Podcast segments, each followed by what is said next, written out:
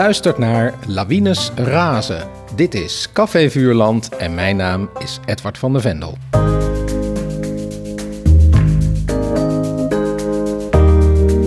In deze podcast herlees ik klassieke kinderboeken met auteurs van nu. Hoe vers voelen de boeken nog? Wat voor auteur was er aan het werk? Dat en meer bespreek ik vandaag met schrijvers Els Beerte en Kaat Franke. En we lazen Het meisje dat de zon niet zag uit 1966 van Gerda van Kleemput, die er de prijs van de provincie Antwerpen voor kreeg.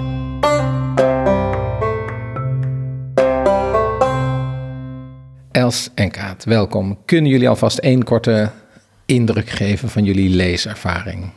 Els. Ik was heel erg aangedaan. Oeh, maar hoe aangedaan, dat gaan we dan straks horen natuurlijk, ja. Kaat? Ik vond het veel te traag, veel te braaf. En ik heb met de pen in de aanslag in het boek zitten schrappen. Oeh. Het spijt me. Ja. Goed, waar die spijt precies uit bestaat, dat gaan we dan straks allemaal nog horen. Maar eerst ga ik jullie introduceren. Els, jij studeerde, als ik het goed heb, hè, Germaanse filologie en dan specifiek Nederlands en Engels.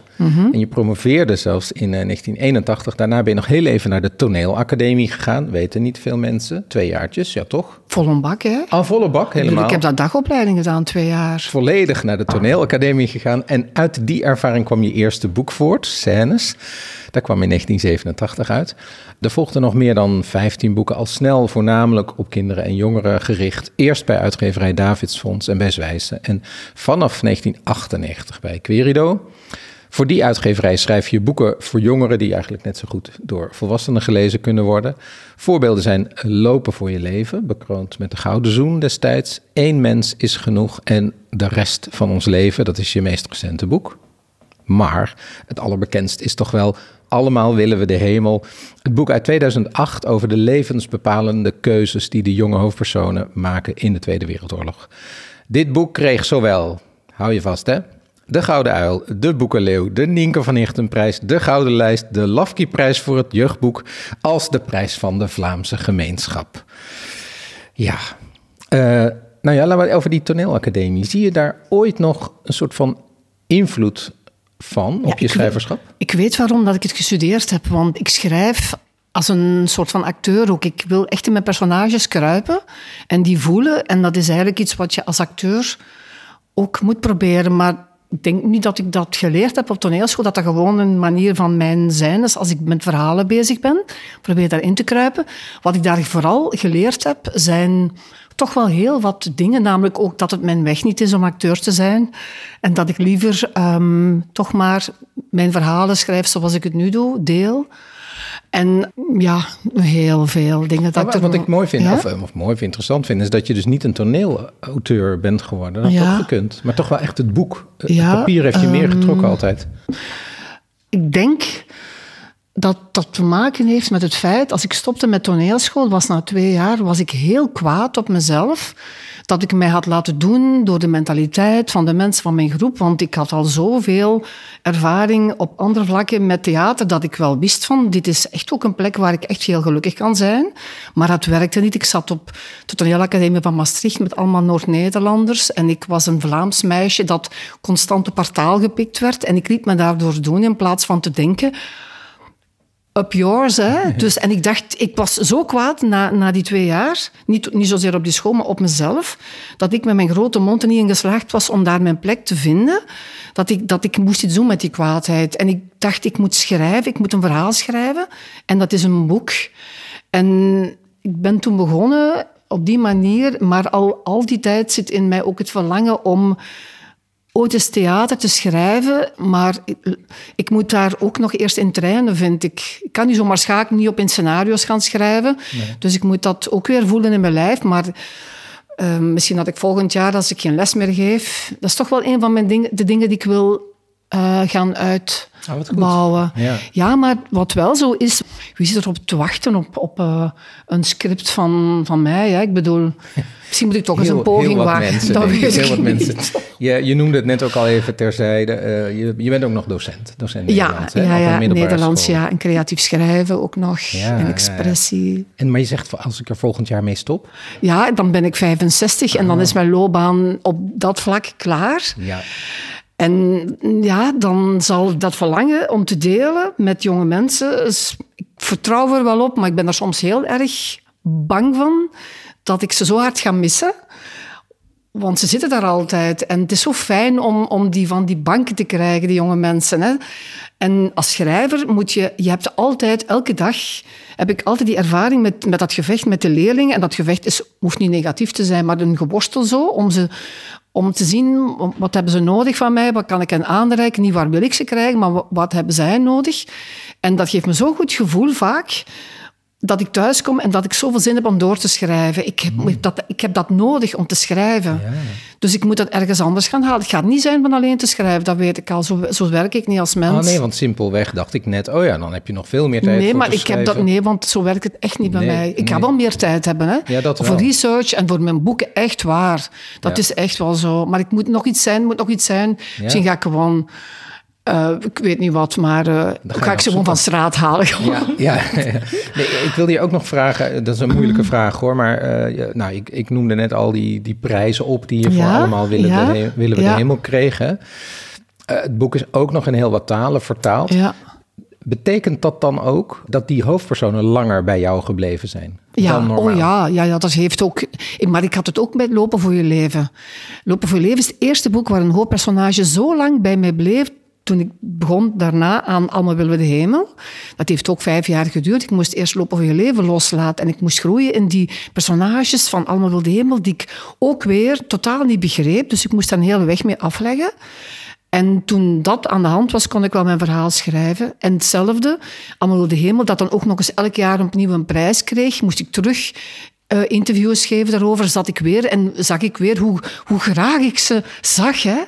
ja, dan moest ik ze weer loslaten en ook vooral merken, ook heel alert zijn dat ik ze niet meenam in mijn volgende boeken.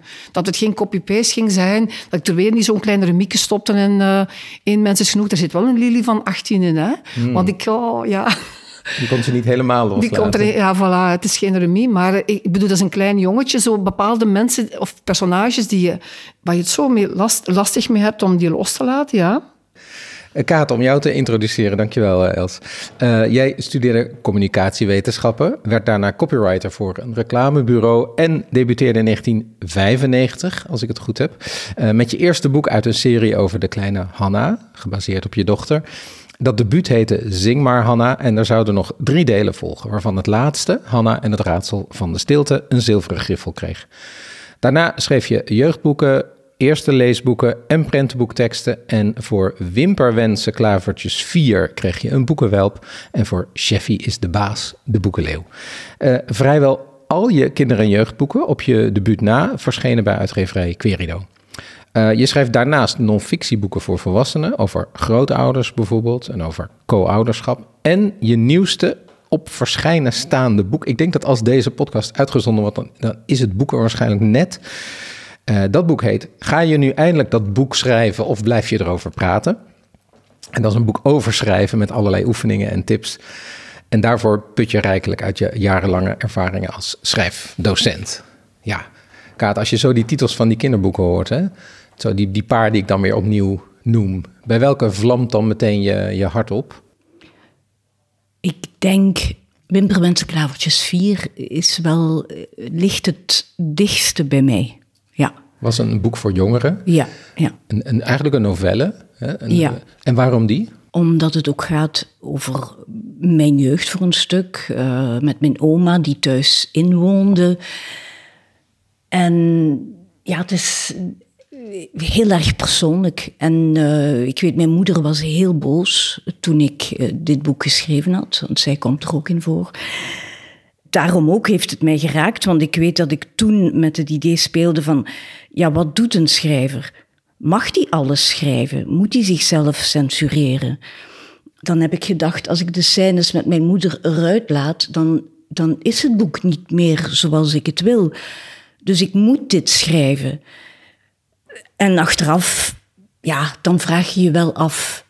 Als je een opmerking krijgt van je moeder van uh, nu schrijf je nooit nog iets over mij, dan vraag je af, is het het waard geweest?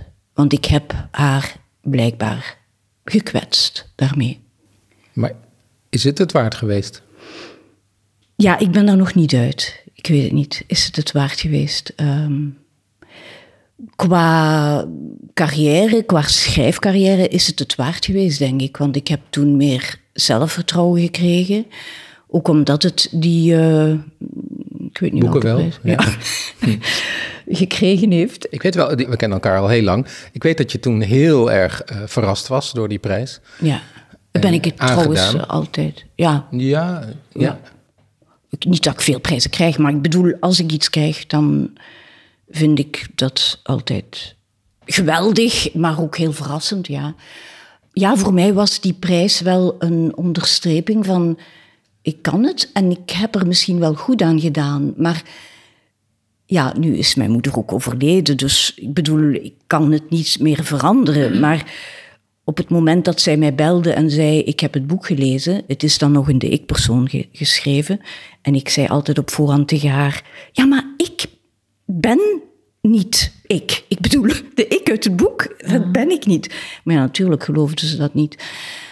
En ja, op dat moment vond ik wel dat ik haar pijn had gedaan. Hmm. Ja. En het feit dat het die prijs kreeg, heeft zij daar iets van trots aan ontleend? Oh nee, nee. nee? Ik, ik, trouwens, ik durfde haar dat niet te zeggen. Ah, nee. Dat dat boek die prijs had gehad. Nee. Nee, ik, ik, ik zei ook tegen mijn broers, zwijg erover. En uh, dan vroeg ze wel, hoe gaat het met dat boek? En dan op een gegeven moment was dat uitverkocht en werd dat niet meer herdrukt. Ik zei, ja mama, dat is uitverkocht. Dus, uh, ah, dat is goed, zei ze dan. Hmm. Ja. Had ze het staan in haar kamer? Ik denk het wel, want ze had wel al mijn boeken, ja. Ja. Maar die stond wel gewoon in het rijtje, net als ja. de andere? Ja, dat wel, ja. ja. En dan zei ze, schrijf dan toch weer eens gewoon een boek over Hanna. Dat weet ik al niet meer. Nee, nee, nee. in elk geval, ze, ze volgde wel wat ik schreef. Maar uh, ja, toen dit boek verscheen, Wimberwend uh, Klavertjes 4, toen was zij al een stuk in de tachtig. En ik dacht, ze gaat dat toch niet lezen. Hmm. Maar ze las het. Ze las het, ja. ja. ja. Heb je... Want je hebt, er zijn veel van je boeken hebben een autobiografische oorsprong. Hè? Ook natuurlijk de boeken over Hanna, over je dochter op een bepaald moment ben je ook boeken gaan schrijven die niet zo specifiek op je eigen leven geënt waren. Zoals Chef is de baas. Vond je dat een, achteraf dan, een moeilijke vraag, Kaat, sorry. Maar vond je dat een bevrijding? Of vind je dan die boeken te veel bedacht? Hoe, wat is het verschil voor jou? Eigenlijk is het wel een bevrijding, ja. ja.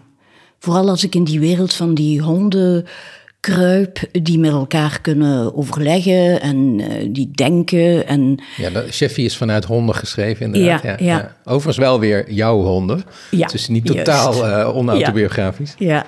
dus uh, ja, dat is wel een bevrijding, ja. Ook al ja, omdat Hanna in, in die tijd aan het opgroeien was en ik schreef dan ook columns en ja, daar schreef ik ook over Hanna. En, en, dan dacht ik op een gegeven moment, zij als puber, nu moet ik wel gaan opletten wat ik schrijf, want uh, ja, ik liet haar dan wel elke column op voorhand lezen, zoals u die ook las. Mm. Edward zei trouwens altijd, schrap die laatste zin.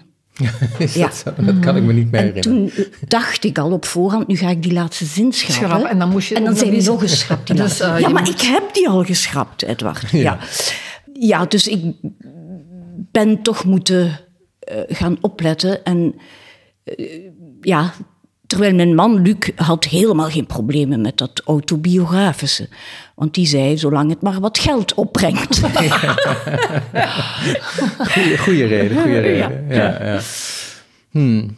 We komen hier misschien nog wel op terug, de, de dingen die jullie allebei hebben gezegd. Uh, nog, nog heel eventjes toch nog even over je boek wat nu gaat komen, hè? je boek overschrijven. Als je nu terugdenkt aan die, die Kaat Franke van voor het eerste boek, die graag een kinderboek wilde schrijven. Zijn er nou tips in dit boek waarvan je denkt, ach, had ik die toen maar gehad? Ja, dat denk ik wel, ja. Weet je er eentje?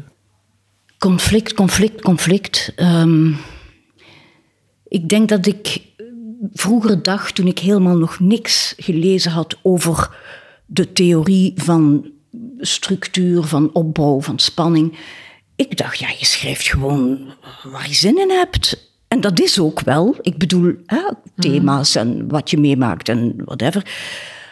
Maar toch vergt een verhaal toch een zekere opbouw.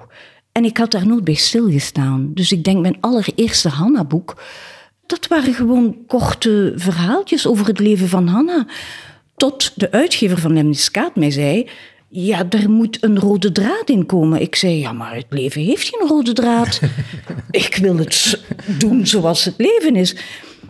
En die zei, ja, maar dan moet je geen fictie schrijven. Ah. En toen ging er toch wel een wereld open. Ik bedoel, toen ben ik beginnen lezen en seminaries gevolgd en veel naar Londen gegaan om seminaries te volgen, heerlijk.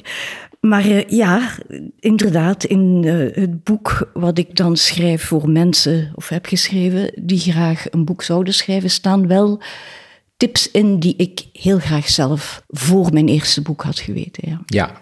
ja. breng er een conflict in. Conflict, conflict. Ja. Meerdere conflicten. Nou, in ieder geval dat.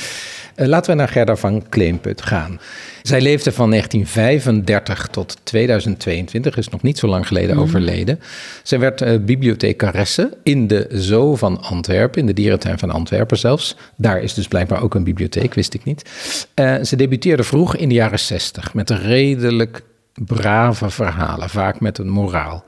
In haar latere kinderboeken was er, en dan hebben we het echt over de jaren zeventig, meer humor, mm. meer engagement. Zoals in Sorry voor de smeerboel over mm. milieuvervuiling. Of het boek Zeven Weken Zomer over onder andere werkeloosheid en alcoholisme. Maar Van Kleemput was behoorlijk veelzijdig. Ze schreef ook heel veel. Er zijn ook historische boeken, zoals Morgen vertrekt de boot. Mhm. Er zijn kleuterbelevenissen van Lotte en Pieter. Dat waren zo'n beetje, nou, las ik ergens, ik weet niet of, of het waar is, maar de Vlaamse Jip en Janneke. Ja. ja. En er was bijvoorbeeld ook een geromantiseerde kinderbiografie. Dat is eigenlijk haar bekendste boek, De Bloeiende Mimosa-boom, over de blinde en doofstomme Amerikaanse schrijfster Helen Keller. Maar ja, eigenlijk, ik zeg dat is het bekendste boek. Nee, eigenlijk is het het bekendste boek, is toch wel het boek dat wij lazen. Het meisje dat de zon niet zag. was een van haar eerste boeken, kende heel veel herdrukken. Ze kreeg er de prijs van de provincie Antwerpen voor. Maar ze kreeg later ook nog twee keer de referendumprijs voor het Vlaamse jeugd- en kinderboek. Dat is een soort voorloper van de, van de Boekenleeuw. Mhm. Dus de hoogste Vlaamse kinderboekprijs eigenlijk. En ze kreeg ook twee keer de prijs van de Vlaamse kinderjury. Dat boek, Het meisje dat de zon niet zag is dus uit 1966. Het is een, vrij dun boek. Eigenlijk meer een novelle. De hoofdpersoon is Annemie. Ze is een jaar of tien of elf.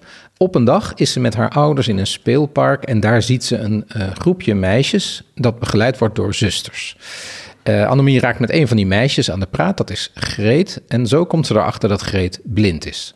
Er ontstaat meteen een dikke vriendschap. Annemie leert brieven in braille schrijven. En samen gaan ze op bezoek bij het enige familielid dat Greet nog heeft, namelijk tante Hanna, een oude tante. Ja, Greet is namelijk ook nog wees. En daarom komt ze na een tijdje alle weekenden en vakanties bij Annemie en haar ouders wonen. Dat is het eigenlijk, het hele boek. Er zijn nog wat kleine strubbelingen, maar eigenlijk is dit vooral een blij boek over een hele warme vriendschap. Nou ja, vat ik dat zo goed samen? Mm. Nee. Um, zeg, wat, wat ontbreekt er? Ja, misschien wel. Ja, misschien omdat jij het vertellen was en ik zag tussendoor allemaal dingen die ik vermoed dat geprobeerd zijn om het verhaal wat ingewikkelder te maken. En het zijn effecten dan op eh, de lezer van toen en de lezer die ik nu ben. En het einde bijvoorbeeld, want er komt nog even zo de zogezegde hoop dat ze misschien beter kan worden. Ja, dan moet ik uitleggen, want dat is belangrijk iets. Er is wel één strubbeling. ja. dus ergens bedenkt Annemie, dus de hoofdpersoon, het niet-blinde meisje, die denkt, maar misschien kan Greet wel beter worden. Als ze nou maar eerst door een goede dokter wordt bekeken. En dan gaan ze naar de dokter toe. Als je dat maar leest... het is eigenlijk anders, want Lisa is de beste vriendin van Annemie. En die wil iets goeds doen, want die heeft al zoveel oh, fout gedaan. Ja. Oké, okay, dus er is een kleine omweg ja, via, via een ander meisje. Maar goed, en, en, de, de, de meisjes ja, ja, hebben, de, hebben de hoop. En daar slepen ze het blinde meisje een beetje in mee. Van nou, misschien kan je nog beter worden. Zo wordt goed onderzocht door een dokter. En de uitslag daarvan is nee, er is niets aan te mhm. doen. Dus uh, Greet moet daarvan zien te herstellen. Mhm. Ja, dit is één hoofdstuk. Maar ik snap waarom dat je dat zegt, want ik heb het genoteerd en onthouden, omdat ik daar eigenlijk tamelijk ontsteld door was.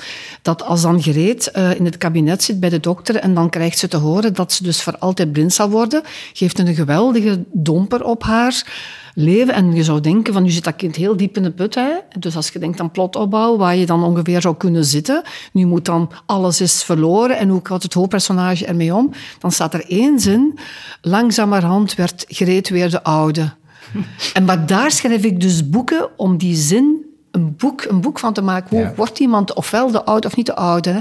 En daarom is het zo is het aan de ene kant moeilijk om het verhaal samen te vatten, want je, je, die dingen worden niet uitgewerkt hè, met onze ogen, dan door onze ogen. Het is één hoofdstukje, het is een ja, kort ja. hoofdstuk. Uh, Kaat, conflict, conflict, conflict. Hoe zit het bij dit boek? Ja, absoluut veel te weinig. Wat mij vooral gestoord heeft, maar dat is vanwege mijn liefde en research over honden. De grote oplossing is dan die blinde geleidehond. Ja, helemaal op het eind van het boek krijgt ze een ja, blinde geleidehond. Ja, dat komt dan uit het niets ineens. En dit is totaal niet realistisch, want de research over blinde geleidehonden toont mij dat je niet zomaar aan een blinde geleidehond kunt geraken. Je moet je opgeven, je wordt uitgekozen en dan krijg je een proefperiode met een hond. En dat klikt of dat klikt niet. Um, dus... Ja, hier is er een hond. mag ik even iets zeggen? Misschien was dat toen niet zo, Kaat. We zitten in de jaren zestig, hè? Misschien is men daar nu ook veel verantwoordelijker over. Ja, verantwoordelijker, maar die honden die zijn er niet om nee, maar te dat, rapen. Dat is waar. ook niet. Ah, ja, ik, ik weet bedoel, niet. Ja. Nee. nee en in het boek maar, wordt dat heel makkelijk. Er is ergens een hond, die is al blinde geleidehond, die mag ze zomaar hebben. Ja, ja. dus dat kan niet. Nee. Dus daar, hier moeten we even bij zeggen, Kaat. Uh, uh, Sheffy is de baas, het boek wat jij schreef. Ja, het is een spoiler, maar dat kan even niet anders. Dat gaat over een hond die opgeleid wordt als ja, blinde geleider. Ja, ja, ja, dus daarom heb ik daar heel veel research over gedaan. En, uh, dus die moeten ook naar twee jaar naar een hond, naar een speciale school, enzovoort, enzovoort. Um, dus dat was wel een van mijn grote ergernissen, los van de andere dingen die ik heb opgeschreven, als structuur en wat dat mm. Els al gezegd heeft. Maar het einde vond ik ook zeemzoet. Die zon die altijd terugkomt, ja, en dan eindigt het met ze lachten en babbelden. Ze waren één vrolijke, blije familie. Een familie als iedere andere. No way. Dat is geen familie zoals iedere andere. Ik hmm. bedoel, ja, er zit een, een, een, weesmeisje in dat geadopteerd is, uh, uh, dat blind is nog eens. En ja, dus ik ik snapte het allemaal niet zo goed dat dit kon.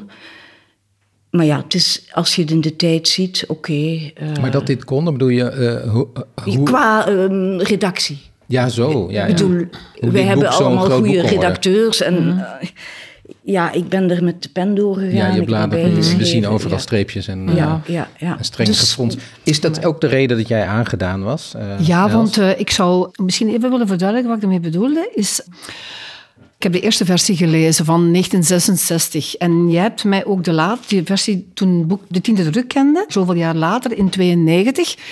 Ik heb die twee versies met elkaar vergeleken en ik heb met opzet eerst de eerste heel grondig gelezen en ook aangeduid bij alle dingen die mij uh, opvielen dat, bij mij vragen deden stellen, waarom schrijft ze dit? Hè? Zo, nu, waarom ik aangedaan was, omdat ik het boek gelezen heb als ik een kind was. Ik herinner mij niet meer het verhaal, wat daar gebeurde, maar ik herinner me wel een ontroering als kind. Je hebt het gelezen als, als kind? kind? Echt kind, hè? dus, dus een, een achtjarige of zo. Hè? En dat kon, want ik ben van 59 en het is uitgekomen in 66.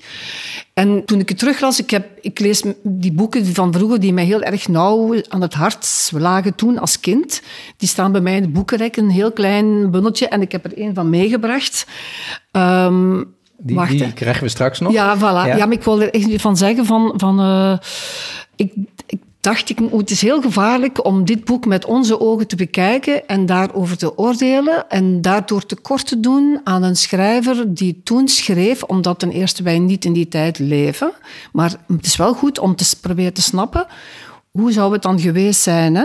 Nu, um, we zitten, we, zitten in de jaren, we zitten in de jaren 50, jaren 60 als zij het schreef en we zitten in Vlaanderen. Hè?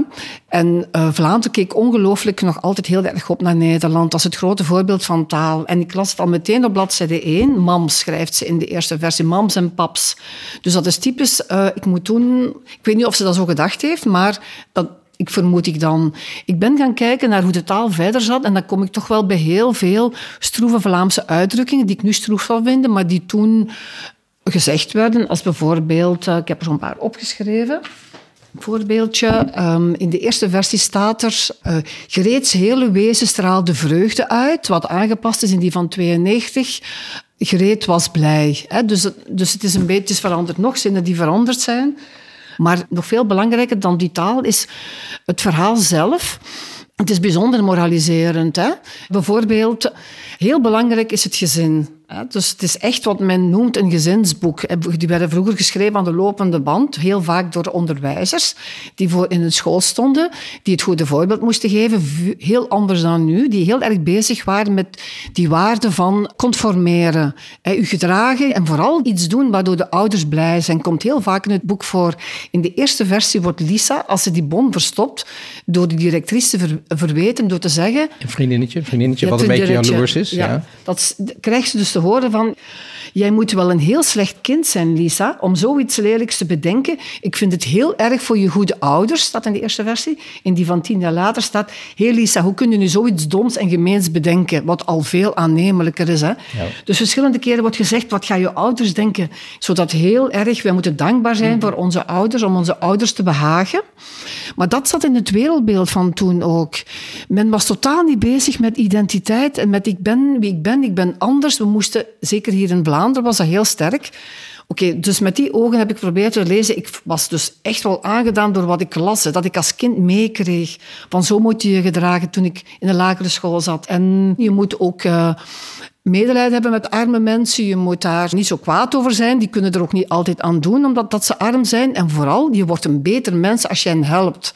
En dat zit heel erg in het boek ook van Gerda van Kleemput. Greet is eigenlijk heel een tijd slachtoffer. Hè? Ja. Ik was, ik weet niet of je dat, van plot gesproken, hè? op een gegeven moment heeft iedereen bedacht dat ze daar op weekend komt, elke week. En ik denk, wat wil dat kind dan wel? Ja. Ik, dacht, ik dacht, vraag dat aan dat kind. Ja. Maar ik denk, nu zouden we dat allemaal weten, omdat wij vinden kinderen belangrijk vinden. Kinderen hebben een eigen wil en moeten vooral ook gerespecteerd worden.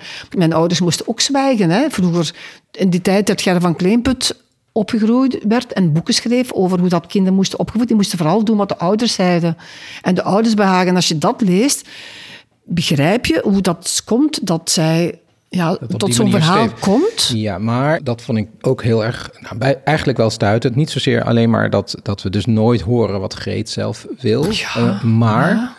dat er ook over haar handicap voortdurend vanuit het perspectief wordt geschreven van een niet-gehandicapte. Ja. Oftewel, alles wat ze niet kan, wordt de hele tijd benadrukt. Ik heb twee, twee voorbeeldjes de, kinderen zijn ergens en uh, ze mogen geld geven ergens voor. En dan er, mhm. ze zongen drie koningenliedjes en Greet mocht een geldstuk in het busje stoppen dat ze mee hadden. Eventjes tasten naar de gleuf, maar het lukte best. Dat is toch enorm patronizing. Mhm. En dan staat er ergens een gesprek tussen het bedrogen vriendinnetje en de hoofdpersoon.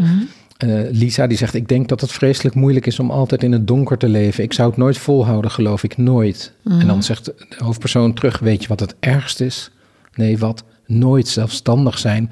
Altijd iemand nodig hebben om je te helpen. Nooit alleen de straat op kunnen. Ja, knikte Lisa, je hebt gelijk. Dit zijn dus twee ziende kinderen die mhm. praten over een mhm. blind meisje waar ze niet bij is. En daar, dat is het perspectief dat door de schrijfster gekozen is. Dus ik denk, als je dit leest of als je dit voorgelezen krijgt als blind kind, dan uh, dat zal niet fijn zijn. Om het daarover te hebben, hè, hoe schrijf je vanuit iemand die gehandicapt is of hoe zorg je sowieso dat er meer ruimte, meer uh, representatie is voor mensen met een handicap? Je zou kunnen zeggen dat dit misschien het aller, aller, allereerste begin is van het zichtbaar maken van mensen die een handicap hebben. Uh, dat is met heel veel goede wil gezegd. Mhm. Hè?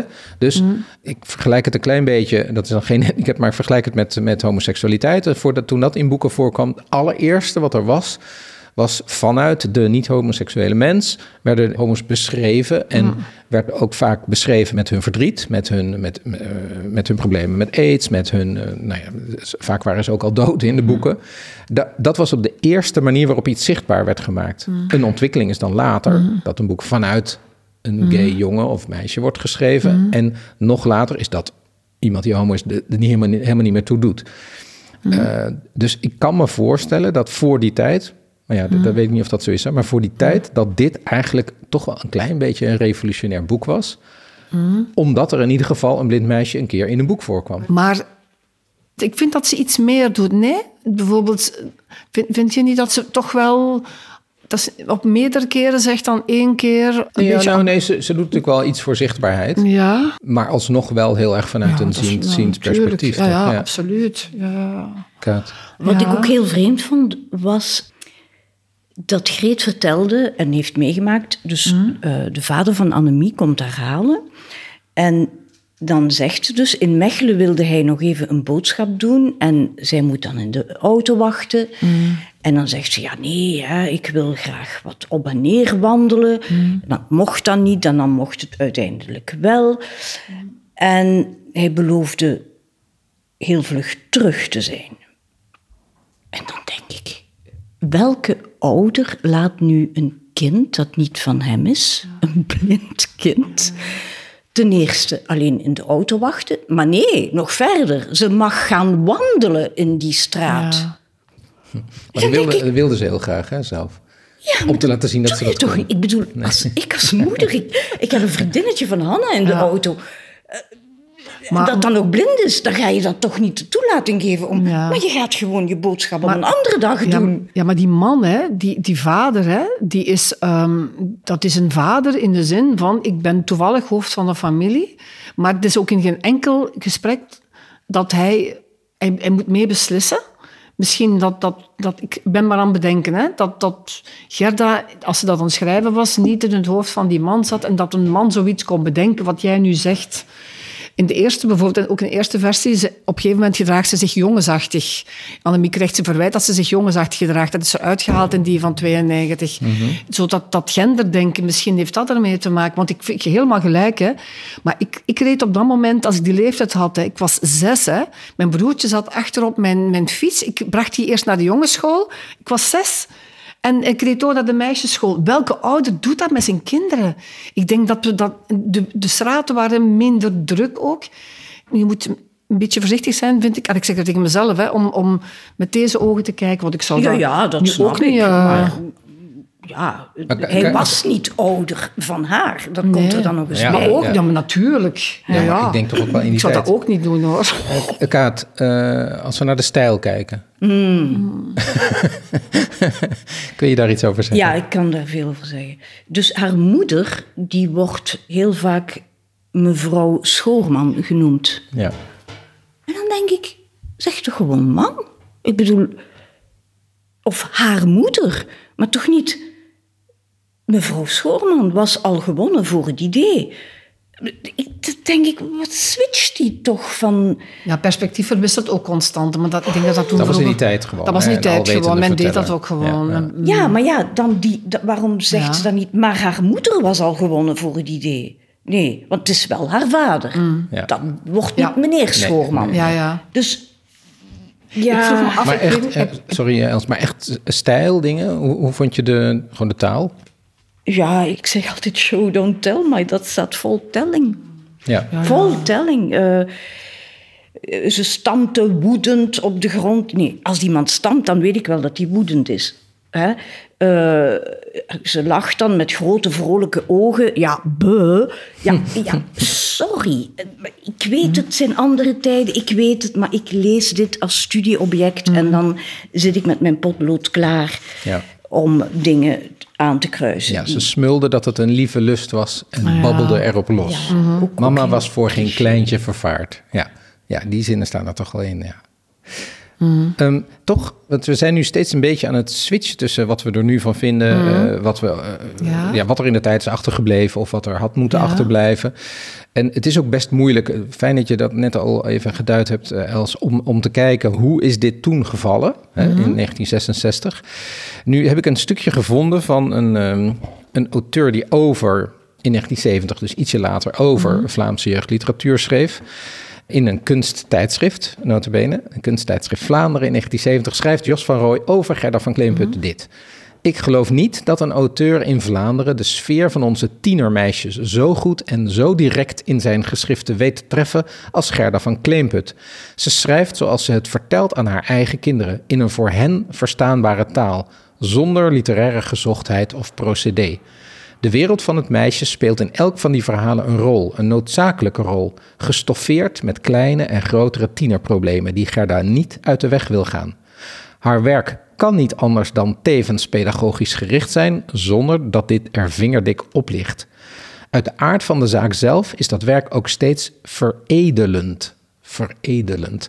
Vermits het door een goed mens en een kindervriend geschreven wordt. Zo brengt het vreugde zowel aan de lezers als aan de schrijfster zelf. Wie- is die man?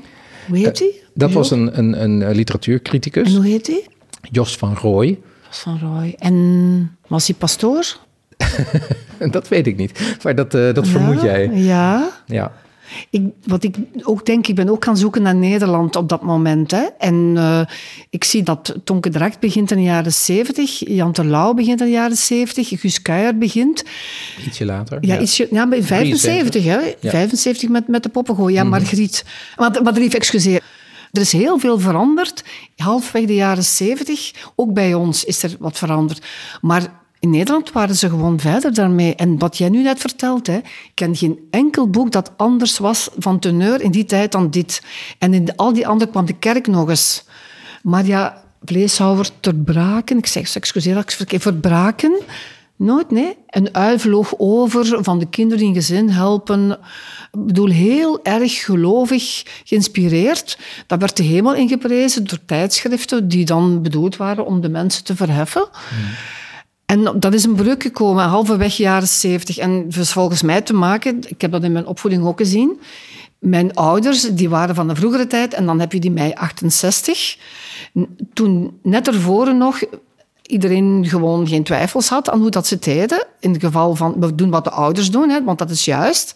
Maar dan zijn die gaan twijfelen. En ik heb dat ook... Mijn ouders die wisten niet hoe dat ze mij moesten aanpakken. Ik mocht rebel zijn, ik mocht alles doen. Ik kreeg heel erg naar mijn voeten af en toe, maar dan weer niet. Ik wist echt niet hoe het moest. En je begint dat ook in de boek van de jaren 70 te zien. Schrijvers durven ook het niet meer te weten en te zoeken. En dan krijg je die boeken die allemaal over de problemen gaan schrijven. hè. Ga- gaan we het zo nog over hebben. Maar zij zit nog ervoor. Hè. Zij zit er net ja, voor. en wat je schrijft bevestigt dat perfect helemaal. Dat men dat ook nog geweldig vond. Ja, nou, het deed mij denken ook. eh, je zegt nu Nederland was verder. Ik ben geboren in 64. Eh, ik ging eh, met kerst altijd naar het kinderkerstfeest. Daar kregen wij een kinderboek cadeau. Maar dat waren dan inderdaad christelijke kinderboeken van W.G. van der Hulst, grote. Ja. naam bij ons. Daar deed mij dit boek heel erg aan denken. Dus Ah, ja. inderdaad, Ja. mensen zijn goed. Ja. Probeer, we zullen ook altijd het goede nastreven. Eh, we Mm. moeten voor de, de zielige mensen, eh, of in Afrika of in Nederland, omdat ze gehandicapt zijn, zorgen. Mm. Hè, die, die teneur zat er erg in. Ook een beetje in wat Jos van Rooij net schreef. Ik moet nog één andere quote. Er is een heel erg mooi boek over jeugdliteratuur, nog niet zo lang geleden verschenen. Het Land van Waan en Wijs. Een geschiedenis van de Nederlandstalige jeugdliteratuur. Onder redactie van Rita Vanessa Joos en Helma van Lier op de Brouwer. Daar staat over de plek van dit boek, specifiek dit boek in de geschiedenis. Eh, het staat een klein stukje en dat staat in het hoofdstuk over meisjes- en jongensboeken. Eh daar staat aan het eind van de jaren 60 verbreedt het meisjesboek zich tot een probleemboek. Daar zou dit dus een eerste stap van kunnen zijn. Hè? Zo laat Gerda van Kleemput in Het meisje dat de zon niet zag... de maatschappelijke betrokkenheid de bovenhand voeren. Als het gaat om te schrijven voor het eerst over een kind dat blind is... dan zou je dat maatschappelijk betrokkenheid kunnen noemen. Dan staat er omwille van het originele handelingsverloop... en de accuraatheid waarmee een gevoelig thema wordt beschreven... geldt dit verhaal, dus dit boek, zeker als een atypisch meisjesboek. De vorm, met onder andere een alwetende verteller, is nog wel traditioneel, maar inhoudelijk gezien is dit boek taboe doorbrekend. Dus het heeft een betekenis gehad. Maar de- toen, toen Rita Gekieren met pensioen ging, hè, hebben ze de mensen om haar heen gevraagd aan een aantal mensen om iets te schrijven. En dat is een boek geworden, het is gebundeld voor haar. En daar staat ook een artikel in over het meisje dat de zon niet zag. Heb je dat ook gelezen? Nee. Geschreven door een pedagoog die ook eh, gedoctoreerd is aan de universiteit, lesgeeft en die blijkbaar een collega van haar was, die ook met jeugdboeken bezig was. En die haalt heel veel onderzoeken aan over eh, hoe gaat men om in boeken met mensen die een handicap hebben. En die pedagoge dan, die collega van, van Rita, die zegt van... Voor dit boek werd ehm, de persoon dan die, ja, die bijvoorbeeld in dit geval niet kan zien, echt gebruikt. En die moest vooral dankbaar zijn voor alles wat met haar gebeurt. En zij is de eerste die durft dat personage laten klagen. En het nu moet soms, ik ben, ben aan, met dat in mijn achterhoofd ben ik het nog eens opnieuw gaan lezen. En dan heb ik wel gezien dat het erin zit, hier en daar. Wordt ze echt kwaad en opstandig omdat iets niet lukt. Maar in onze ogen is dat gewoon veel te weinig en veel te. maar Maar, dat- in die tijd was dat waarschijnlijk, en dat heeft ze, daar is ze vernieuwend in geweest. Of, Ja, ja. of heeft ze iets gedurfd wat. Ja. En ik heb ook nog eh, contact genomen met Jill van der Heijden. Was iemand die heel goed bevriend was met eh, Gerda. En, en dichter voor, voor Ja, ja, nog altijd. En eh, zij zei tegen mij, Gerda heeft het boek geschreven naar aanleiding van iemand die ze kende, die blind was en die heel veel verwezenlijkt heeft. En ze vond dat zo geweldig dat ze vond dat mensen moesten weten dat, dat er echt nog mogelijkheden zijn. Ja, dat komt er voor ons ook te weinig in uit, maar dat was wel de intentie geweest, blijkbaar. Ja. Ah zo, ja, dus Of, wij eh, zitten misschien dan toch, ik kijk naar, eh, naar ons tweeën, Kaat, ik weet eh, wij zitten misschien toch te veel eh, te, nu te beoordelen met, met, met onze blik nu. En ik, ik- denk ook dat terecht is. Ja. Maar overigens moet ik even zeggen, dat hoofdstuk over meisjes- en jongensboeken, waar ik net een stuk uit voorlas, Ja. is door Bea Ros en Sophie de Jonkheer Ah geschreven. Dat is misschien die persoon waar je het net over had. Dus misschien zit daar in dat allerkleinste rebellie-hoofdstukje, of die kleine zinnetjes, zit daar een, een, eh, een, een ommekeer. Wat denk je, Kaat? Goh, ja, ik heb het gewoon gelezen vanuit, ja, met wel in mijn achterhoofd. Het was toen geschreven. Ja. Ik heb ook mijn thesis gemaakt over jeugdliteratuur in 1977. Ja. En mijn conclusie was dat jeugdliteratuur in Vlaanderen, uitgezonderd Mireille Cottonier, ehm, wie had je er nog? Ja, in vergelijking met Nederland, dat ik dat helemaal eh, niet geweldig vond. En ik zeg dat ook in mijn eh, proefschrift. Van kijk, wij moeten kijken naar Nederland, want die zijn veel verder, zoals jij ook zei, Els. Dus ja, ik ben Ja, je, hebt, je hebt een thesis daarover geschreven. Je hebt heel veel Vlaamse eh, Ja. kinderboeken uit de jaren 70 gelezen. Ja. Ik heb, je, ik heb je lijst gezien. Daar stond overigens een ander boek van Gerda van Kleemput op. Ja. Het Huis in de. Jungle heet het, geloof ik. Eh, kan je herinneren wat je daarvan vond? Nee. nee, ik heb gisteravond nog even eh, die thesis bekeken en ik dacht, oh, dat heb je goed gedaan. Dat je toen ook eh, van Kleemput en, en een heleboel andere had gelezen. Ja. Eh, hebben wij andere boeken gelezen van Gerda van Kleemput? Latere Ik heb, boeken? ik heb er veel gelezen, maar ik ben het... Ja, toen, hè. En, Ja. en ook weer... ehm, goh, dat boek niet over Helen Keller, de bloeiende Ja, ik- mimosa. Ik heb dat toen gelezen. Ja. Ik heb het gelezen ook omdat ik voor... A- Ik ben ook voor A verboden lector even geweest. Oh Voor de Lector, uitgeverij. Ja, Ja. toen ik nog student was aan de universiteit. Ja, En, maar eh, omdat het ook over een blind ja, maar het raakt me allemaal niet zo. Dit raakt me ook niet. Hè. Dat Nee. is, ik, want ik ga er helemaal akkoord met jullie. hoor. Daarom was ik aange... Ik was eigenlijk, moet ik zeggen, ik was in, scho in shock. Hmm. Dat, dat ik dit ooit... Maar ik bedoel, ja... Dat je het ooit zo goed hebt Ja, dat het je het ooit blijkbaar, wel... want ik weet dat zelfs niet meer. Maar ik herinner me wel, en waarom herinner ik mij... Ik herinner mij dat die titel is blijven hangen als iets positiefs. Ja. Iets goeds. Nou, het is, eh, het is ook een, een boek wat heel veel mensen tot hun lievelingsboek Mhm. Ja. rekenen. Ik werd eh, van de week om een andere reden geïnterviewd Ja. eh, hier in Vlaanderen. En Ja. Mhm. ik, ik zei dat we deze podcast gingen opnemen. Ah, dat boek. Dat was Ja. de... En in mei 2023, dus vorig jaar, stond het opeens op de, dit boek, hè, op de website van de BBC in Engeland. Toen de omroep vroeg toen eh, een heleboel auteurs, 177 auteurs van over de hele wereld, naar hun tien belangrijkste kinderboeken. En daar kwam het dus ja. bij de belangrijkste Vlaamse kinderboeken. Ja. Ja, maar kijk eens naar onze gaan- eigen boeken, hè. Dat, ik bedoel, de boeken die, die ja... Maar ja, goed, ik, on- ik onderbreek jou. Nee, nee, nee, nee. Ik, Ja? ik wil nog even zeggen dat ik nog, ook nog één ander boek heb gelezen van Gerda van Kleemput. Ja? Dat heette eh, eh, Wilde ganzen boven het ven. Vond ik een heel mooi boek. Dat is Oh, wel vele jaren later. Daar houdt het eh, heel erg op natuurbeschrijving, op een conflict eh, Ja. wat helemaal uitgewerkt wordt. Dus ik denk ook wel dat dat ook wel... Het is natuurlijk een van haar eerste boeken wat wij gelezen hebben. Daar is ook een hele grote groei in haar werk geweest. Eh dat gaat over een meisje van wie de vader, die politieagent is, een, eh, tijdens een actie een kogel krijgt. Hij overlijdt niet, maar hij is lang ziek en zij is dus haar vader een tijd kwijt. En dat, Ah, ja. deed, dat vond ik eigenlijk een, Ja. goed boek. Ja. En dus eigenlijk alle dingen waarvan je nu denkt, ja, hoe kun je zo zondigen tegen de regels van het boek, die je bij Ja. het meisje dat de zon niet zag, zag, waren daar Ja. weg. Ah ja. Dus dat is natuurlijk ook Ah, wel de groei van iemand, Ah, denk ik. ja. Ja. ja.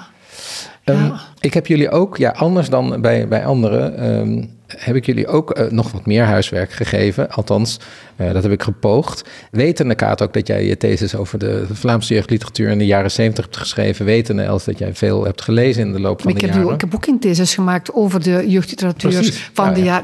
van ja, alle topboeken heb ik gelezen. Ah ja, Maar goed. Weten dat jullie alle topboeken van de jaren 70 en 80 hebben gelezen. En eigenlijk ook om een beetje toch voor ons eh, onwetende Nederlanders toch een beetje een beeld te krijgen van wat waren dan die topboeken in de jaren 70 en 80 in Vlaanderen? Wat is er dan, ja, wat, wat is de ontwikkeling geweest? Is die nou echt zo anders dan in Nederland? Ehm, Daar heb ik jullie gevraagd om een aantal titels eh, misschien te noemen. Of je die nu goed vindt of niet, maar of je daar nog iets van wist. En ehm, ik moet nog even zeggen dat in de geschiedenis kan je zien dat er ergens in de jaren 90, halverwege de jaren 90, en eh eh, Els, jij bent daar ook een voorbeeld van, is er een heel aantal Vlaamse auteurs naar de Nederlandse uitgeverij Querido gegaan, die een Vlaamse redacteur kreeg. En toen is er eigenlijk denk ik wel heel veel invloed van de redactie ook geweest. En Dat is begonnen met Bart Moejaert, maar zo zijn er nog zoveel meer. En uiteindelijk zijn jullie ook allebei natuurlijk bij Querido eh, eh, terechtgekomen. Kaat, jij via een omweg via Lemneskaat. Dus er is veel meer integratie, zou je kunnen zeggen, tussen Nederland en Vlaanderen gekomen. Maar als we kijken naar die tijd daarvoor, nou ja, ik heb in ieder geval drie boeken gelezen die ik eh, om wat voor reden dan ook eh, bijzonder vond. Dat waren, ik heb zo wat mensen gevraagd welke grote Vlaamse boeken moet ik dan lezen. Eh, maar eerst wil ik jullie titels horen, kijken of we, of we ongeveer hetzelfde hebben. Ehm, ik weet Mireille Cottenier, ik vond die goed. Er zit muziek in de lucht. ja, dat was Ehm, een van mijn drie boeken, heb ik net vandaag gelezen. Er zit muziek in de lucht. Oké. Ja. En dan had ik eh Gilane. Paultje, ze gaan weer vechten. Maar, maar even, waarom vond je Mireille Cottenier goed? Weet je dat nog? Goh, ik moet zeggen, ik heb het niet herlezen of zo, maar ik weet dat zij samen met Gilane voor mij eruit sprong. Voilà. Ja. Dus eh, anders dan Gerda van Klimput. Ja, maar ik weet echt niks meer van de inhoud. Ik Nou, weet alleen, wel, eh, dit blijft mij Er bij. zit muziek in de lucht is een boek eh, voor jongeren, niet voor kinderen, voor jongeren. Uit 1977 is een boek volledig vanuit een soort hippie-commune geschreven. Ik Heel een wild boek. Eh, Ja. al, het is een dun boek, maar allerlei problemen komen erin voor. Er wordt gediscussieerd met name, maar er wordt gediscussieerd over abortus. Eigenlijk ook wel over immigratie, over het kolonialisme. En over, over, over mannen en vrouwen en de taken van de mannen en de vrouwen. Mhm. Er zit een enorme eh, wildheid, zei ik net al, maar vooral ook een enorme vrijheid in. Mhm. Ja, ja. En wat heel erg opvalt, is dat het is niet een boek wat een één conflict heeft. Wat dat betreft Er wordt er gezondigd tegen jouw regels. Maar eh, ja, het zijn episodes van gesprekken die eigenlijk de hoofdpersoon, en zij is 14, bijna 15, heeft met de andere jongeren. En het is een soort, ja, een soort verzameling columns eigenlijk. En, en best brutaal in de zin, niet, niet dat het kind brutaal is, maar dat dus de schrijfster brutaal is. Dat ze gewoon, gewoon maar deed wat zij vond dat bij jongeren speelde. Je ziet daar geen oudere schrijfster die het over een, eh, een zielig kind heeft. Eh, Gilane, die heb ik niet gelezen, was misschien net zo iemand. Ja, ik denk Paultje, ze gaan weer vechten. Of ze zijn, ik weet al niet meer juist. Ja, zo is de titel. Ja. Ja, dat was de eerste keer dat ik in een jeugdboek de oorlog van dichtbij kon meemaken. Ik bedoel, ik weet zelfs niet meer welke oorlog, maar in elk geval, eh, het speelde zich af in het nu en er was een oorlog bij.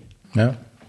Els, heb jij, eh, jij... Jij zei, je hebt me een onmogelijke vraag gesteld, zei je eerst. En toen zei je, nee, het gaat toch lukken. Ja, ik heb want ik dacht, ik, ehm, voor mij, ehm, ja, die, die periodes die jij noemt, in 77 ben ik naar de universiteit gegaan, maar daarvoor las ik al boeken voor volwassenen. Ik heb me eigenlijk gestopt met het lezen van kinderboeken toen ik alle jongensboeken van de bibliotheek had gelezen, want die vond ik veel leuker dan die meisjesboeken. Die, eh, de Arie Roos, Bob Evers serie, die vond ik geweldig.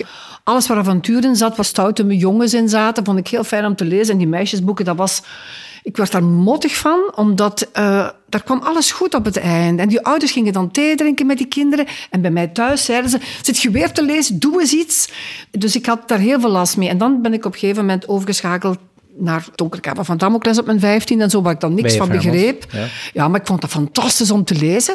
En vanaf het moment als zij begon te schrijven, zat ik al aan de universiteit. Dus ik heb die boeken gelezen. Je bedoelt um, Mireille Cottenier. Mireille Cottenier. En toen had ik al allerlei commentaar erop. Dat ik dacht, ik vind het echt niet zo, zo geweldig. Dus het was heel moeilijk om over na te denken welke boeken. En dan ben ik aan mensen gaan denken. En ik was ook, door het feit dat ik... Um, ik ben op mijn vijftiende in contact gekomen met de topredactie. Top was een tijdschrift toen, dat was een heel vernieuwend tijdschrift voor jongeren vanuit uitgeverij Averbode, waar schrijvers in schreven, de bekende schrijvers van toen in schreven. En door een wedstrijd te winnen, wilden ze mij daar ook bij hebben. Dus vanaf mijn zeventiende schreef ik daar al voor dat blad. Dus ik zat met jeugdschrijvers toen. Ernest Zwartenbroeks, uh, Jacques Dreesen, um, ehm, Carvelij, Gaston van Kamp, die schreven allemaal voor, voor dat blad. En ja, Jacques Dreesen wel niet, maar ik kwam die dan tegen bij bijeenkomsten als, als jong meisje. En dat was heel erg uh, stimulerend. En ik denk aan Jacques Dreesen zou ik ook wel willen noemen als iemand die echt wel boeken schreef uh, waarin dat hij op een hele goede en heel mooie manier met um, de gevoelens van de personages uh, naar voren kon brengen. Zo die kroop in kleine kinderen die, die ook problemen hadden, maar die bleef zo mooi bij, ja, die ging daar niet die alle wereldproblemen nog eens bij halen. Dus we zitten ook in de jaren zeventig bij hem, maar hij begint vooral in de jaren tachtig te schrijven. En dan denk ik aan de boek Sporen in de sneeuw gaat over een jongetje dat zit in een gezin waar opeens de ouders gaan scheiden en uh, snapt er niks van. Een jongetje gaat vertrekken, die, die ziet er niet meer zitten, dat kind. En die eerste zin is zo schoon. Svenneke, menneke, jongske, toch. Zo'n schone zin. En Jacques was een heel warme mens, want hij is ook vorig jaar overleden. En ik kan een moeilijk één titel noemen, maar ik zou dan die willen noemen. En die was ook heel stimulerend voor jonge schrijvers. Zo, er was zo'n groep, hè, zo René Zwartenbroeks, Jacques, Jacques Dreesen, Henry van Dalen, mm -hmm. de Maaier. En ik stond daar dan als snotneus van in de twintig die aan een boek aan het schrijven was. En die stimuleerde mij. En ik snapte dat dus niet. Hè. En die zeiden, maar als je zet geweldig. Ik dacht, maar dat is niet waar. Maar het feit dat die zo mij uitdaagde, en ook om, om mee stout te zijn, want dat waren eigenlijk Henri van Dalen, hè, dat was een, ik bedoel, die... die, die, ja, daar hebben we een andere ja, ja, aflevering over ja, gemaakt. En Greggy ook en zo. Die, die durfde, zoals ze zeggen, die durfde shotten tegen de regels. En we gaan van het volwassenen schrijven. En we gaan daar opa's inbrengen die rare dingen doen, dat opa's normaal niet doen. Hè, zo van die verhalen. En dat, dat heeft me enorm uh, een draag... Hoe noemen ze dat zo? Dat heeft me zo'n wereld gegeven van dat het mogelijk was om te kunnen schrijven. Ja. Dus René Zwartenbroeks met De Lege Cel, zou ik willen noemen, als boek.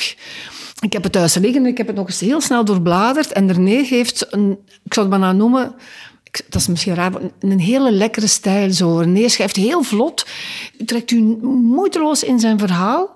Schrijft ook heel mooie columns, schreef mooie columns, want ik weet niet of hij nog veel schrijft nu op dit moment. Hij is ook al, al rond de negentig. Maar René die heeft met het boek De Lege Cel het allereerste boek geschreven in Vlaanderen, waarin dat hij schrijft over dat migratie eigenlijk niet zo gemakkelijk is. Ja, dus René Zwartebroeks, De Lege ja, Cel, Zwartebroeks, uh, Jacques Dreesen, Spoor in ja, de Sneeuw. En dan Jan Simon, jaren negentig, die wil ik absoluut meenemen, want die heeft met zijn boek ook, ik zal dan echt met mij, gaat alles goed nemen, is een briefroman, is, was ook heel erg nieuw. Niemand, denk ik, had al een briefroman geschreven van ons allemaal, zou ik maar zeggen. Jan is ook iemand eigenlijk een beetje zoals René ook. Hè. Trok je ook meteen in, je, in zijn boek met zijn zo'n levensechte taal die hij zijn personages liet spreken. Kon ook heel goed emoties pakken. Uh, en dit boek is, is heel aangrijpend, vind ik. Bij mij gaat alles goed, want... Um, toen ik Jan leerde kennen, eind jaren tachtig, bleek dat we heel veel vrienden gemeenschappelijk hadden. En één vriend die we gemeenschappelijk hadden was uh, Ludo. En Ludo is een man die gestudeerd heeft met mij samen en die naar New York is getrokken om acteur te worden. Heeft daar aids gekregen en is een van de eerste eigenlijk die wij kennen, mensen die aan aids gestorven zijn. En, en Jan heeft een boek geschreven vanuit uh, een personage Jonas dat hetzelfde gaat doen. En in dat boek verwerkt hij die problematiek van het taboe, dat je daar niet over mocht praten. Want heel lang dat het personage dat tegen zijn ouders durft te vertellen. Maar ook de oorlog van Joegoslavië komt erin. Hoe dat, hoe dat de oorlog in je lijf, de oorlog buiten. Jan was ook iemand die heel erg begaafd was met de wereld. Maar hij slaagde erin om dat in een boek te brengen zonder dat je een, een pamflet aan het lezen was. En dat is iets wat ik ook heel graag wil doen. En dus dat is, uh, hij deed dat heel goed, vond ik. Ja, Jan voilà, Simoen. dat zijn ja, ze. Mij gaat alles goed. Ja, nee, heel goed. Drie, drie, drie titels. Um, Kaat. Ik ben nog iemand vergeten die ik wel belangrijk Ja, vind. Liva Willems heeft eh, echt op mij ook indruk gemaakt toen. Hele vrije, vrije dame. Ja. Eh, wij hebben een, een eh, prentenboek van haar besproken als een van de eerste afleveringen van Lawines Razen. Eh, El is zo blij met Els. Ja, dat was, was een, ook een taboe doorbrekend boek, omdat het gaat over twee lesbische hamsters. Ja. Maar duid jij op een speciaal boek? Of, nee, eh, ik duid niet op een speciaal boek. Ik ga Nee. gewoon eh, als, eh, te werk op mijn herinnering van eh, schrijvers die indruk hebben gemaakt Ja, op mij. is Mireille Contenier, eh, Liva Willems. Als ik het een beetje goed begrijp, dan kiezen jullie de vrijbuiters uit die tijd. Hè? Dus uit de zee van redelijk brave boeken die er misschien ook was. Maar dit zijn wel de mensen die, eh, die i- ware individuen waren. Eh, ik wil er eigenlijk nog twee aan toevoegen. En dat is eh, ten eerste Gaston van Kamp. Kaat, je noemde hem al eventjes met een boek dat heet Harry van de Achterbuurt. Dat is trouwens een latere titel. Eerst heet het Ik ben Harry van de Achterbuurt. Ja, Ja, ja. ook uit 1977. Een heel vrij boek, een heel brutaal boek. Gaat ook over. Eh, nee, zelfs nog eerder, 1975 geloof ik. Gaat over een jongen, hij zit op de middelbare school. die zichzelf eigenlijk als een soort geuzennaam Harry van de Achterbuurt noemt. En een dromer. En eh, het gaat over zijn schoolervaringen. Ik vond het een heel los boek. Een brutaal boek. Eén ding, waar- sorry, dat moet ik even zeggen, dat was dan niet zo leuk. Het was een beetje, eh, dat was een beetje, het was ronduit homofoob. Er worden een aantal andere jongens beschreven die dan eh, nou ja, te vrouwelijk zijn. D- Dat is een vervelend trekje. Maar verder vond ik het een heel eh, eh, grappig en nieuw en, en rauw. Vooral ook rauw, eh, heel, heel brutaal. Ook seksualiteit komt daar heel, heel helder en onverbloemd eigenlijk in voor. Een bijzonder boek. En we moeten toch ook, denk ik, Ed Frank nog even noemen. Zeker. Ja. Frank, die, die ah, toch ook wel als een soort, zeker omdat hij nu ook nog leeft, als een soort Nestor gezien kan worden. Ik las van hem het boek Zomer 17. Dat is een boek wat ook een, eh, een prijs heeft gekregen. Dezelfde prijs overigens als het meisje dat de zon niet zag, maar dan vele jaren later. En dezelfde prijs ook als eh, jouw boek, eh, Els. Ehm, eh, eh, allemaal willen de we de hemel. cultuurprijs de cultuurprijs, ja. En Zomer 17 gaat over, een, over Peter, een jongen ook nou 17, de titel zegt het al, middelbare school, die zich helemaal niet goed voelt op school en op een bepaald moment besluit om eh, gewoon maar weg te gaan van school en een fietstocht naar Santiago de Compostela Mhm, ja. te ondernemen. Ja, niet per se alleen maar helemaal goed, want er zijn wel wat dingen op aan te merken. Die hele fietstocht is wel heel precies beschreven met alle dorpjes en met alle wendingen en wat je overal kunt zien en hoe mooi Romaanse, Romaanse bouwstijlen zijn. Maar wel ook dat, dat, je, dat je, je, je leest dan, en dat vind ik heel fijn, dat was ook bij Gaston van Kamp, je leest een auteur van je denkt, wat is deze man aan het doen? En ook bij Mireille Cottenier vond ik dat. Ja, En ze ja. passen niet bij andere boeken die je kent. Ja. Ja, ja. Nu van Ed Frank ehm, wil ik toch nog wel iets vertellen. Hij heeft een boek, eh, ik denk een, een tiental jaren geleden geschreven. En dat ging over een verliefdheid. En ik vergeet het nooit. Eh, ik had het thuis en Hanna, mijn dochter, had dus een, ja, een teleurstelling in de liefde. En zij was, eh, denk ik, begin twintig. En ik zei, weet je, ik ben nu net een boek aan het lezen over iemand die net in dezelfde situatie zit. En ik heb haar gelijk vroeger voorgelezen. En ze vond dat zalig. Dus eigenlijk voorlezen, ja, dat kan je blijven doen. Hè? Ja, maar dat pleit toch ook wel voor het boek van Ed Frank. Ja, dat ze zeker. zich daarin ja. herkende. Ja, ja. ja. Van Ed Frank, wat ik ook geweldig vind, en heb- misschien heb je het ook gelezen, dat zijn zijn hertaling of herwerkingen van ja. Shakespeare-stukken. Romeo en Juliet, ook Medea van eh Sophocles. Hij heeft er zo verschillende. Tristan en Isolde was echt goed, heel goed gedaan. Mooi ook. De ziel van van boeken. taal Van die verhalen, ja, de ziel van, het, van die verhalen kunnen nemen zo en gerespecteerd. En, eh, Ja, de, de, reden dat ik, dat, ik deze, dat ik jullie vraag om deze namen te noemen en, en eh, dat we zo die titels noemen, dat is natuurlijk helemaal niet handig voor een podcast, want dat kunnen we niet allemaal bijhouden. Ik ga het allemaal in de show notes zetten. ja. Maar ik wil het echt doen omdat ik anders denk dat we met Lawines Razen de Vlaamse literatuur, kinder- en jeugdliteratuur tekort hebben gedaan. Dus eh, excuses aan de auteurs die we nu ook noemden, Ja. voor zover ze nog zijn. Zeker ook Jacques Dreesen. Dat zijn allemaal auteurs die we ook hadden kunnen bespreken. Ja, ja. Dus Ja, tuurlijk. met Ja, ja. de keuze voor Gerda van Kleenput en voor de, met de keuze van jullie als gasten, eh, is, het, is dit toch ook wel, hoop ik, een klein beetje een ode aan de, Mm. Ja. de jeugdliteratuur in Vlaanderen, die wij in Nederland, laat ik dat in ieder geval zelf op me nemen, veel te weinig kennen. Hebben we alles besproken? Ik ben nog aan het denken. Moeten we nu... Ja? Nee, het is toch... Mooi wel- slotwoord, ja, Els. Nee, nee, nee, dat ga Nee. ik niet houden. hoor. Ja. Dank jullie wel. dat Blijf lezen, waren. blijf blijf lezen. Blijf lezen. Blijf de conflicten lezen. Ja. Ja, conflict, conflict, conflict. Merci. Dank je wel. Ja, dankjewel. Dit was Lawines Razen, een podcast van Café Vuurland. De gasten in deze aflevering waren schrijvers Els Beerte en Kaat Franke. De montage was weer in handen van Ignaas Schoot en mijn naam is Edward van de Vendel. Je kunt alle informatie uit deze aflevering nalezen op www.vuurland.nu. Klik dan even door op Café Vuurland. We bedanken de erver Anne Rutgers van der Loef en uitgeverij Ploegsma voor het mogen gebruiken van de naam Lawines Razen. Het logo is van Floor de Goede en volgende week donderdag is er weer een nieuwe aflevering. Dan bespreken we Haas van Paul Biegel. En de gasten zijn Tjibbe Veldkamp en Thijs Goverde. In de tussentijd veel herleesplezier.